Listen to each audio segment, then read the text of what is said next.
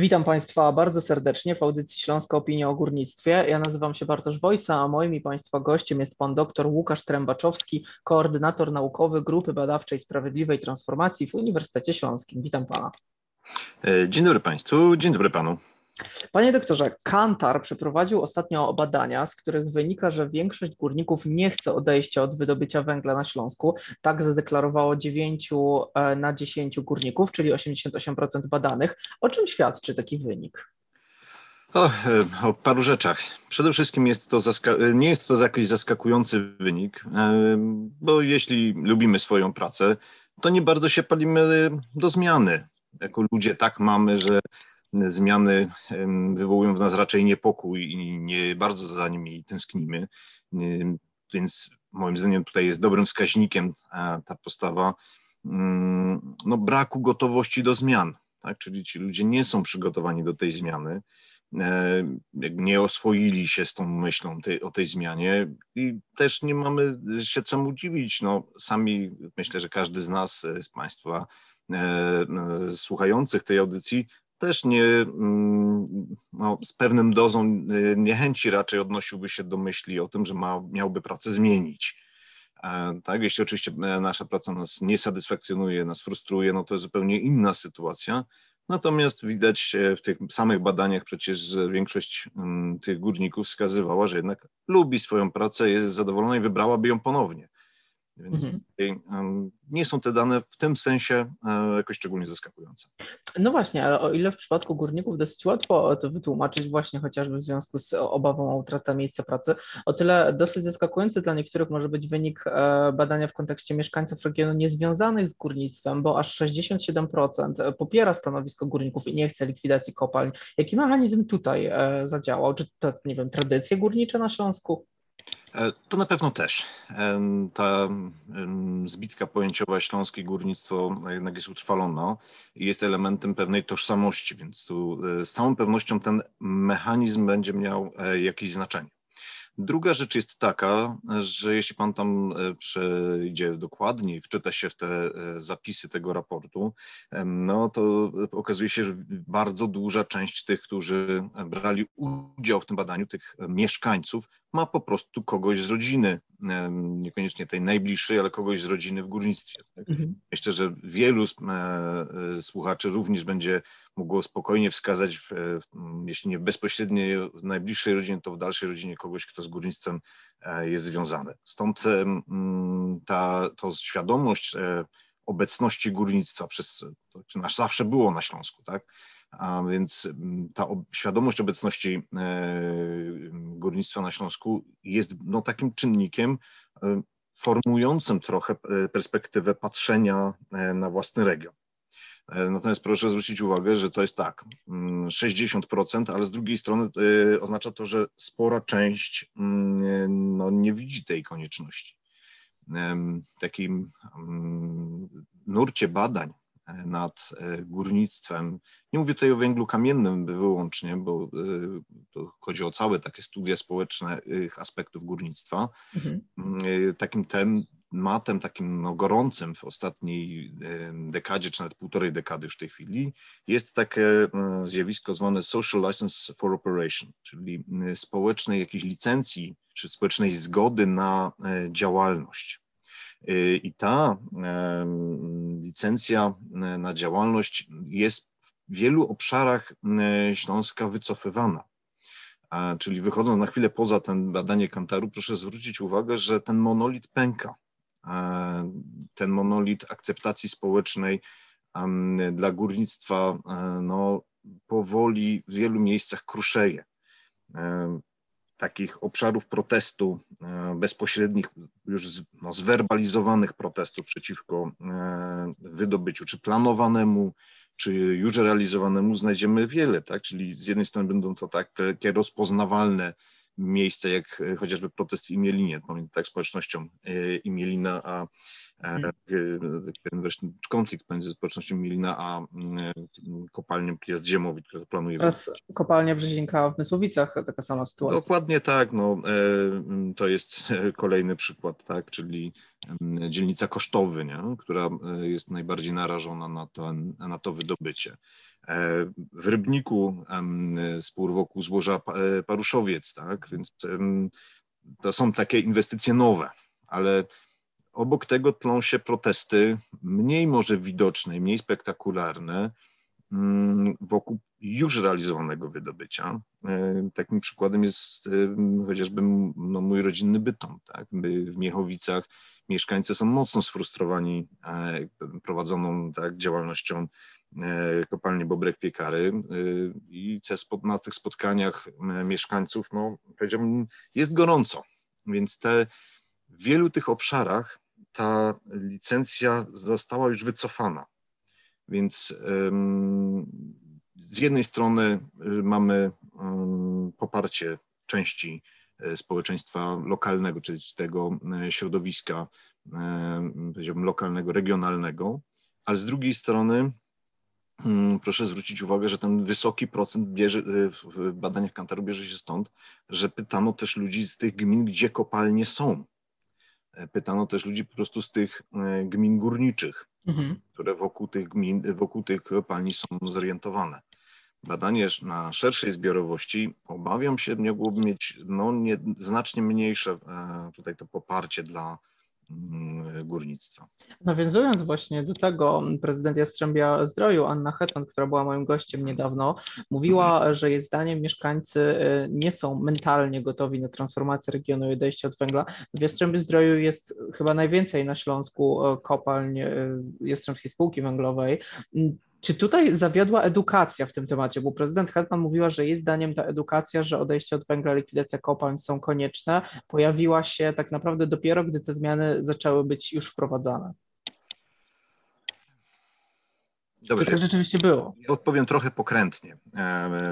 Otóż powiedziałem tak, że jest to pewien element e, zarządzania tą zmianą w Polsce wszyscy, cały proces restrukturyzacji górnictwa, który ciągnie się już 30 lat, e, no taką dominującą metodą prowadzenia była metoda na zawał. To znaczy e, polegała ona na odwlekaniu e, decyzji, unikaniu problemu, udawaniu, że go nie ma, do momentu, kiedy już naprawdę nic się nie dało zrobić, bo sytuacja w górnictwie była tak tragiczna, że zmuszało to i rządzących, i stronę związkową, y, no i, i spółki górnicze do e, usiądnięcia do stołu rozmów. E, efektem tych rozmów zwykle był właśnie jakiś zawał części, tak, czy, to, e, czy to ruchu, czy to um, całej kopalni, czy kilku kopalni, tak, czy likwidacja jakiegoś fragmentu górnictwa, po czym następowało takie uspokojenie do następnego przesilenia, czyli do następnego zawału.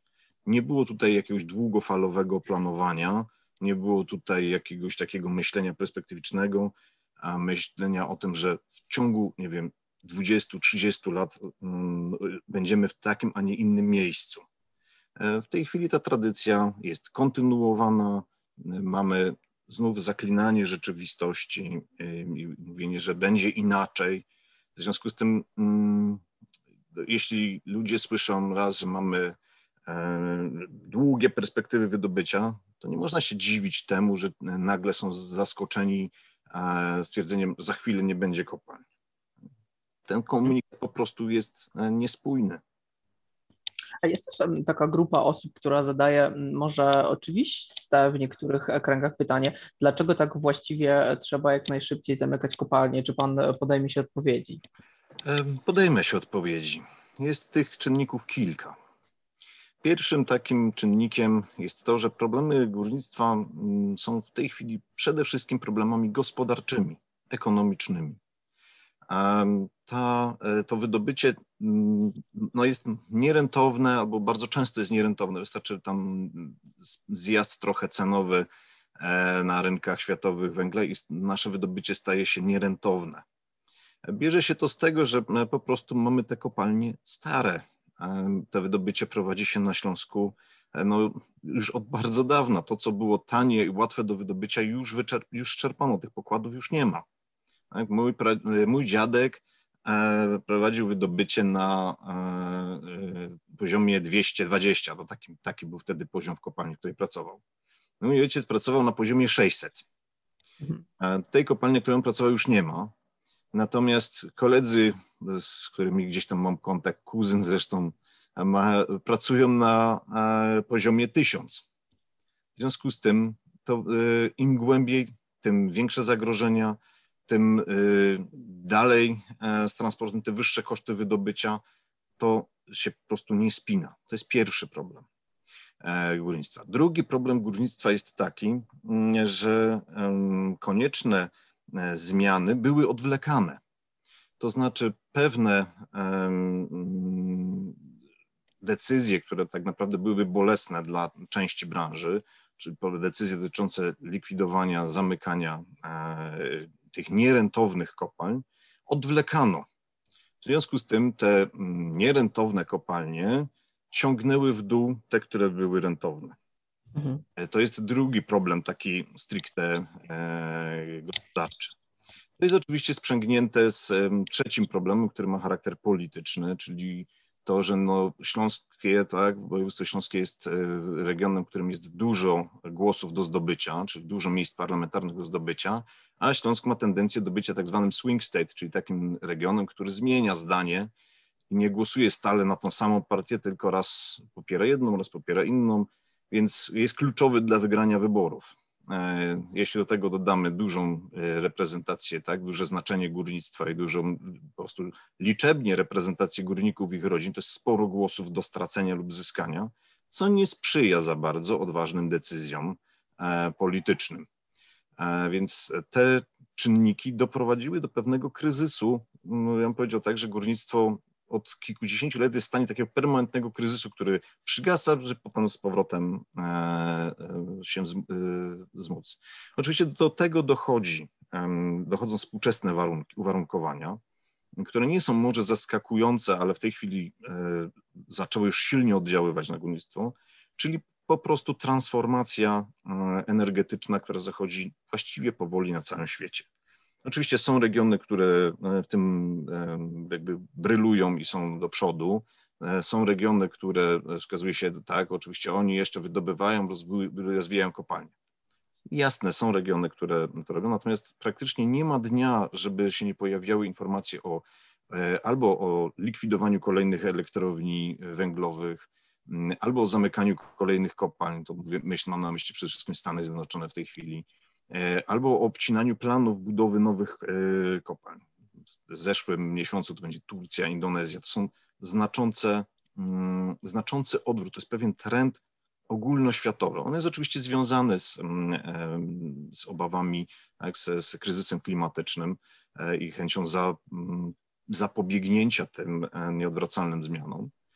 Natomiast ten, ten trend tak naprawdę jest już także trendem gospodarczym w tej chwili staje się to technologią, y, energetyka oparta na węglu staje się technologią przestarzałą. Ona za chwilę będzie taką schyłkową. Jak wszystkie branże schyłkowe, mm, no, kończy się to prędzej czy później pewną restrukturyzacją likwidacyjną. W związku z tym ten proces jest nieunikniony. Tak? I tego niestety, tego, mm, tego nie ma za bardzo odwagi ktoś komunikować, że nawet gdyby nie było polityki klimatycznej Unii, to problemy górnictwa by były. I być może tempo, e, w którym, mogli, w którym moglibyśmy rozważać horyzont e, odchodzenia od e, energetyki opartej na węglu i od tempo likwidacji górnictwa byłyby mm, nieco wolniejsze, ale to nie byłaby jakaś drastyczna zmiana. Ten problem gospodarczy, problem ekonomiczny pozostał. Mhm. No właśnie a propos tempa e, wprowadzania e, tych zmian też w kontekście właśnie tego, co Pan mówi o, o tendencjach e, na świecie. Niedawno podpisano w Polsce górniczą umowę społeczną. Dużo mówi się mm, o kontrowersyjnych zapisach dotyczących na przykład subsydiowania wydobycia węgla, z czym, jak już teraz wskazują eksperci, problem może mieć Komisja Europejska przy akceptowaniu dokumentu, ale pozostaje też kwestia tego, czy Pana zdaniem ten 2049 rok to jest dobry termin na kres górnictwa węgla kamiennego w Polsce, czy może to powinno nastąpić wcześniej albo może później? Znaczy, powiem tak. Mm, y, znów być może pan uzna, że y, tutaj pokrętnie się trochę wy, mm, że nie wymiguje się od odpowiedzi, ale troszkę y, ją trzeba zarysować w kontekście.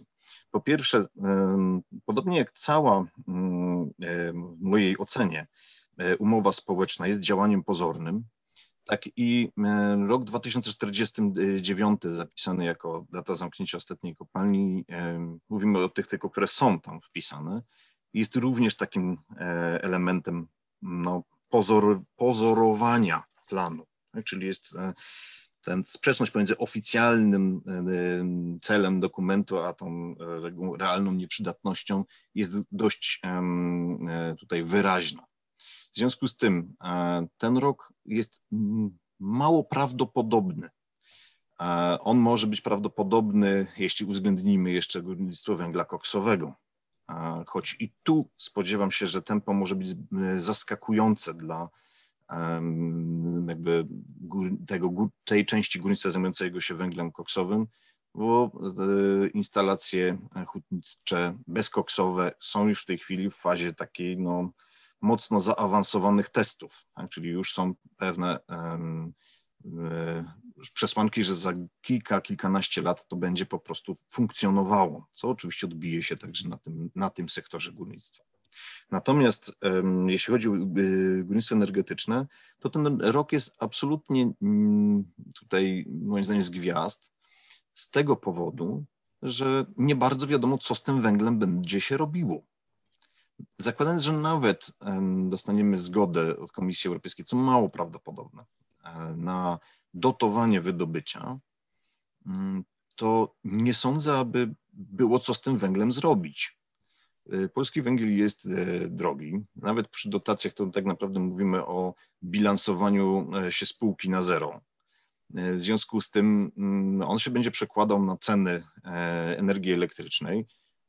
Siłą rzeczy energetyka tańsza, oparta na innych paliwach, czy też e, mm, no, zeroemisyjna, będzie wypierała ze względu na cenę, będzie wypierała energetykę opartą na węglu, a skutkiem tego będzie spadek popytu na węgiel, który będzie szybszy niż to, co zakłada umowa społeczna. Jeśli popatrzymy na PEP 2040, tak, czyli politykę energetyczną państwa do 2040 roku, to nawet jej pesymistyczny scenariusz, czyli ten najbardziej szybki, jest niedostosowany do celu, e, na który Polska i zresztą wszystkie inne państwa Unii Europejskiej się zgodziły, aby do roku 2030 ograniczyć emisję o 55%. E, emisje w energetyce opartej na węglu są widziane jako tak zwany low hanging fruit, czyli łatwy do zerwania owoc, nisko wiszący owoc. To jest łatwe do zrobienia, znacznie łatwiejsze niż na przykład e, ograniczenie emisji w rolnictwie. Mhm. W związku z tym um, nie będzie e, tutaj ani moim zdaniem pozytywnego nastawienia Komisji Europejskiej do um, takiego pomysłu, ani nie jest to realne czasowo, czyli ten spadek popytu będzie dużo szybszy niż, niż dzisiaj się może wydawać. Co z tym węglem będzie robione? Nie mam pojęcia. Mhm. Z jednej strony mamy właśnie pracowników kopalni i całą branżę górniczą, ale mhm. negocjacje w sprawie tej umowy były prowadzone właściwie tylko ze związkami i zawodowymi. Czy w Pana ocenie samorządy, gminy górnicze są gotowe na zmiany, które dla nich przygotowano? Tutaj dochodzi jeszcze kwestia wypełnienia luki, którą likwidacja kopalń w miastach, na przykład takich jak Jastrzębie, zostawi. Jasne. E, to jest bardzo zasadne pytanie. E, przede wszystkim sama e, umowa społeczna jest dokładną odwrotnością swojej nazwy. ponieważ umowa społeczna zakłada, że jest to umowa pomiędzy różnymi partnerami, czyli różnymi stronami, także interesariuszami całego procesu. Proszę zwrócić uwagę, że została podpisana przez ludzi, którzy w ogóle się nie znają na programowaniu regionalnego rozwoju. W związku z tym grupa osób, która nie ma w tym względzie kompetencji, decyduje o przyszłości e, regionu. E, to jest już powód do poważnego zastanowienia.